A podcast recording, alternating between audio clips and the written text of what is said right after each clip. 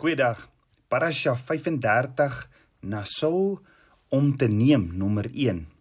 Die gedeeltes wat ons saam bestudeer hierdie week is in die Torah van Numeri 4 vers 21 tot Numeri 7 vers 89 en die Haftarah Rigters 13 vers 2 tot Rigters 13 tot 25. Bride in die Bridesha die Nuwe Testament gedeelte Handelinge 21 vers 17 tot 32, Johannes 7 vers 53 tot Johannes 8 vers 11 en Lukas 1 vers 11 tot 20. Die tweede gedeelte uit die boek Numeri en die 35ste gedeelte uit die Torah word Nasau genoem. Dit kom uit die uit Numeri 4 vers 22 wat sê neem die volle getal op. Daardie neem die volle getal op Nasau ook van die seuns van Gerson volgens hulle families volgens hulle geslagte. Onthou verlede week se Torah gedeelte Bamidbar het die drie geslagte van die stam Levi het ons hulle begin tel wat die werk by die tabernakel verrig het. Ja, die stam Levi was in drie geslagte verdeel. Van die drie geslagte van die Lewiete was die Kehatite die prominentste want hulle was verantwoordelik vir die dra van die instrumente in die tabernakel en ook omdat Aaron en sy seuns die leiers van die priesters was. Let wel, om te kan dien, moes 'n leviet egter tussen 30 en 50 jaar oud gewees het. En dan was daar ook 'n addisionele sensus geneem waarin 2750 koatite in die aanmerking gekom het vir hulle dienswerk. Die Torah gedeelte van hierdie week begin met die feit dat Abba Vader vir Moses gesê het om ook alle gekwalifiseerde mans van die twee ander geslagte, die Gerosoniete en die Meratite, te tel wat verantwoordelik sou wees vir die instandhouding en die verskywing van die tabernakelstruktuur tydens die woestynreis. Die addisionele sensus het getoon dat daar 2630 manne van Gerson was wat na die gewefte wat die gewefte materiaal van die tabernakel sou omsien. Dit wil sê dis nou die gordyne, die dakbedekking en die muur uh behangsels ensovoorts. Dis waarna hulle sou gekyk het. En dan die 3200 van Merari wat die houtraamwerk sowel as die binnehofposte en sy voetstukke versorg en gedra het. In totaal was daar 8580 leviete wat onder direkte toesig van Aaron en sy seun Itamar was. Toe het Moses die Israeliete opdrag gegee om almal wat ritueel onrein was uit die kamp te verwyder. Dit sluit in almal wat deur tsarat of soos ons dit ken melaatsheid getuister was, ook almal wat 'n probleem of 'n issue gehad het en diegene wat in kontak gekom het met 'n lijk. Daarbenewens is die kinders van Israel beveel om hulle sondes te bely, om diegene wat hulle benadeel het te vergoed en skuldoffers te bring. Dan gaan die gedeelte of parasha voort met 'n spesiale instruksie aangaande 'n vermeende vrou wat vir ontrouheid getoets kan word deur 'n ritueel van die priesters. Baie interessant. Dit word gevolg deur 'n instruksie vir 'n Nasareer gelofte of 'n spesiale toewydingsgelofte wat deur iemand gemaak is vir 'n spesifieke tydperk. Gedurende hierdie afsonderingstydperk moet die Nasareer nie alkohol of druiweprodukte verbruik nie. Hulle moet hulle hare nie sny nie en mag nie naby 'n lijk kom nie. En dan aan die einde van die geloof gelofteperiode moes die Nasareer offers na die tabernakel toe bring. Dan aan die einde van hierdie gedeelte of parasha leer Abba Vader vir Moses om vir Aaron en sy seuns 'n spesiale drievoudige seën uit te spreek. 'n Priesterlike seën wanneer hulle die kinders van Israel seën. Dan eindig die gedeelte of parasha met 'n lys geskenke wat die kinders van die 12 stamme gegee tydens die inwyding van die altaar by die tabernakel.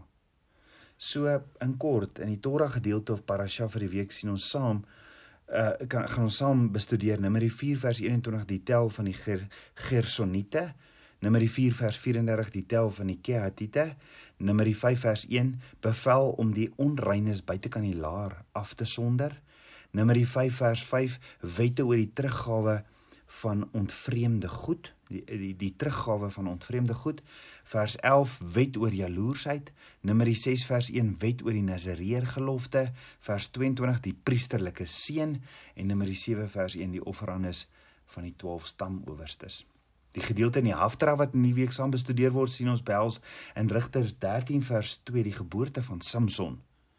Dan die gedeelte in die Bridesha wat ook saam bestudeer word, sien sien ons behels in Handelinge 21 vers 7 duisende Jode wat gelowig geword het en dan in Johannes 8 vers 1 die oorspellige vrou.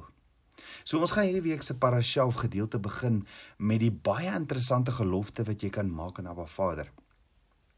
Ja, Abba Vader sê vir Moses om vir die kinders van Israel te sê Numeri 6 vers 2 tot 8: As 'n man of 'n vrou 'n besondere gelofte aflê, die gelofte van 'n Nasareer, om hom aan Jahweh te wy, moet hy hom van wyn en sterk drank onthou. Wyn, asyn en asyn van sterk drank mag hy nie drink nie. Ja, geen druiwesap mag hy drink nie en geen vars of gedroogde druiwe eet nie. Al die dae van sy nasareerskap mag hy niks eet van alles wat van die wynstok gemaak is nie, selfs nie van die pitte of doppe nie. Al die dae van die gelofte van sy nasareerskap mag geen skeermes oor sy hoof gaan nie, totdat die dae om is dat hy hom aan die Here toewy, moet hy heilig wees. Hy moet die hare van sy hoof vry laat groei. Al die dae dat hy hom aan Jahweh gewy het, mag hy nie by 'n dooie kom nie aan sy vader en sy moeder, aan sy broers of sy suster, aan hulle mag hy nie mag mag hy hom nie verontreinig as hulle dood is nie, want die wyding van sy God is op sy hoof. Al die dae van sy nasareerskap is hy heilig aan Jahweh. So hierdie spesiale gelofte om 'n nasareer te wees beteken nie jy sal jy sal die dorp jy kom van die dorp na, Nasaret nie of jy verteenwoordig die dorp Nasaret nie. Wat is 'n Nazareer dan? In Hebreëus Nazareer beteken separate or devout one or consecrate one. 'n Nazareer is iemand wat 'n gelofte of 'n wel met Abba Vader sluit. Abba Vader sê 'n man of 'n vrou kan hierdie gelofte met hom sluit. Nazareer beteken afgesonder. In Hebreëus kadosh, holy, afgesonder. Met ander woorde, jy leef afgesonder vir Abba Vader. Hierdie Nazareer gelofte is 'n persoonlike gelofte of 'n wel tussen jou en Abba, waar jy afgesonder is vir Abba om 100% bruikbaar te kan wees vir dit wat Abba Vader jou voorgeroep het.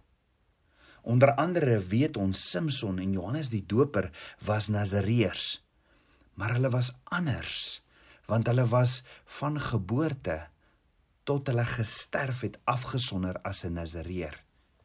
Dit was nie soos ander verslegs net 'n tydperk van 30, 60 of 100 dae nie. So hoekom?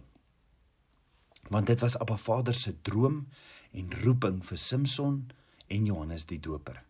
En die vraag is, wat as Abba Vader my en jou geroep het om so Samson in Nasareer te wees vir jou lewenstyd?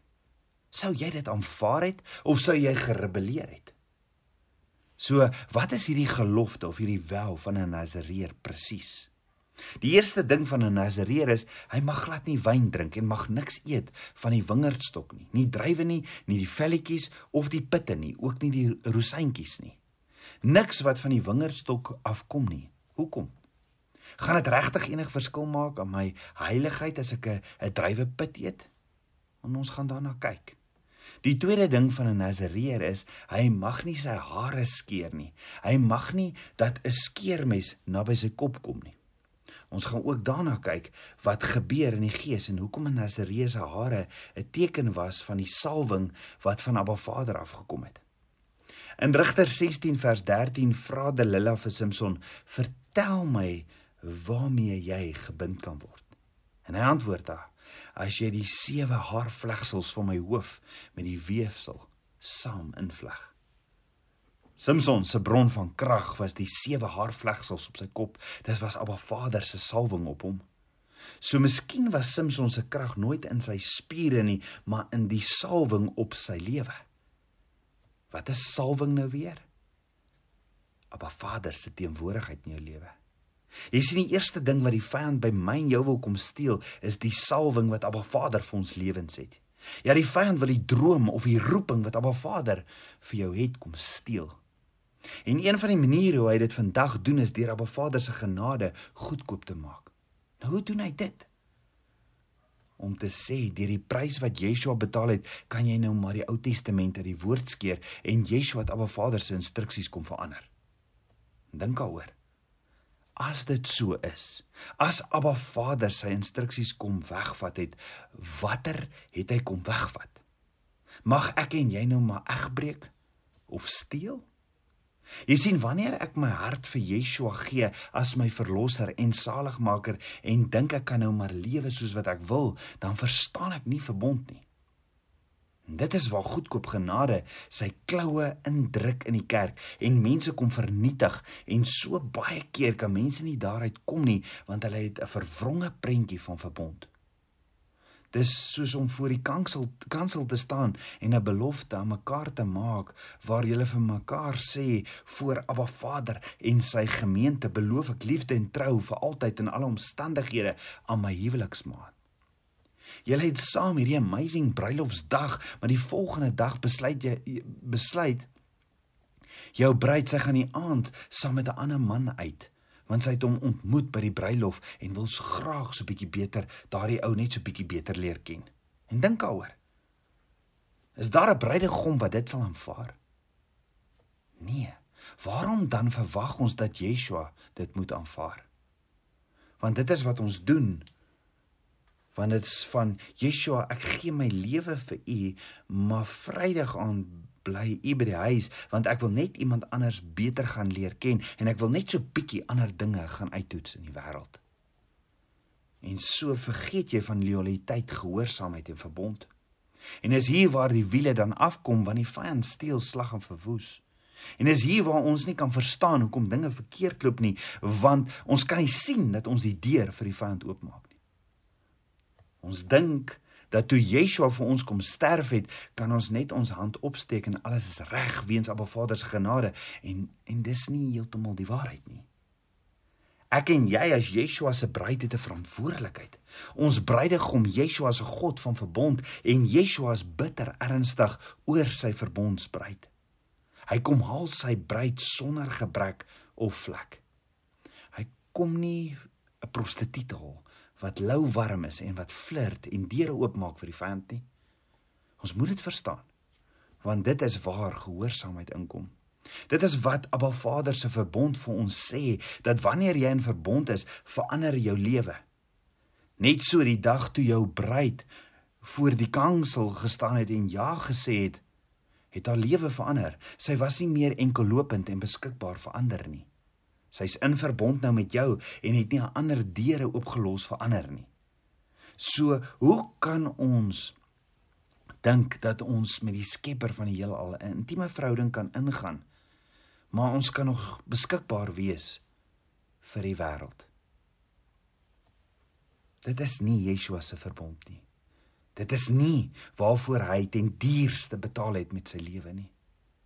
Jy sien toe ek en my vrou in verbond ingegaan het met mekaar het ons albei begin uitvind waarvan hou elkeen. My vrou koop en maak kos waarvan ons albei hou. Sy koop en maak nie kos waarvan ek nie hou en en hoop dat ek oor dit kom nie. Nee, dis liefde wat vir my en haar motiveer om alles wat ons doen vir mekaar te doen tot die beste van ons vermoëns en dit wat elkeen behaag. Die derde ding wat 'n Nasareer nie mag doen in hierdie spesiale besondere gelofte wat hy aflê, is hy mag nie naby 'n dooie ding gekom het nie. Nie 'n dooie dier of 'n mens se lijk nie. Nie eers by 'n familielid nie. As iemand per ongeluk naby 'n Nasareer doodgaan, moes hy al sy hare afskeer en weer van voor af die gelofte aflê. So voor ons verder kyk, was Yeshua 'n Nasareer. Let wel, Yeshua het van Nasaret afgekom, maar hy was nie 'n Nasareer nie. Nee, Yeshua het nie wyn gedrink nie, maar ons weet toe hy die nagmaal ingestel het, het hy druiwesap gedrink om dit in te stel. Yeshua het ook 'n dogtertjie se hand gevat wat dood was. En dit was alles bewyse dat hy nie 'n Nasareer was so Samson en Johannes die Doper vir sy hele lewe op aarde nie. Hy kon egter 'n Nasareer gelofte gemaak het vir 'n bepaalde tyd Maar onthou, dit was nie nodig vir Yeshua om 'n gelofte af te lê nie. Hy was sonder sonde en hy was die verlosser. Hy het gekom om mense vry te maak. en het Abba Vader se droom, se wil vir sy lewe geleef. Hy was heilig en afgesonder vir Abba Vader. So hoekom sal iemand hierdie 3 punt Nasareer gelofte wil aflê met hierdie vreemde maar tog spe, spesifieke beperkings? Wat as Abba Vader ons die rede leer in hierdie spesifieke beperkings? So kom ons ponder daaroor. Iemand wat 'n Nasareer gelofte maak, mag nie wyn drink nie. Mag nie eet, iets eet van die wingerdstok nie. Mag nie hare sny nie en mag ook nie naby dooie lyke kom nie vir wie anders gee Abba Vader ook beperkings of instruksies oor die drie goed? Abba Vader se woord is amazing. En Abba roep ons as 'n heilige priesterdom. Ja 1 Petrus 2 vers 9 sê, "Maar julle is uitverkore geslag, 'n koninklike priesterdom, 'n heilige volk, 'n volk as eiendom verkry om te verkondig die deugde van hom wat julle uit die duisternis geroep het tot sy wonderbare lig." Kom ons bid saam. Abba Vader, koning van my hart, Abba, ek loof en prys U. Vader, kom was my met die waterbad van U woord en kom leef U droom deur my. Abba, leer my die diepte van U verbond. Leer my en was my as Yeshua se bruid, want dis wat ek wil wees met my hele hart. Leer my net die waarheid. Leer my meer en meer van U geheimenisse en dankie, dankie vir U vars manna elke dag. Ek bid dit alles in Yeshua Messie se naam, die seun van Jahweh. Amen. Shalom.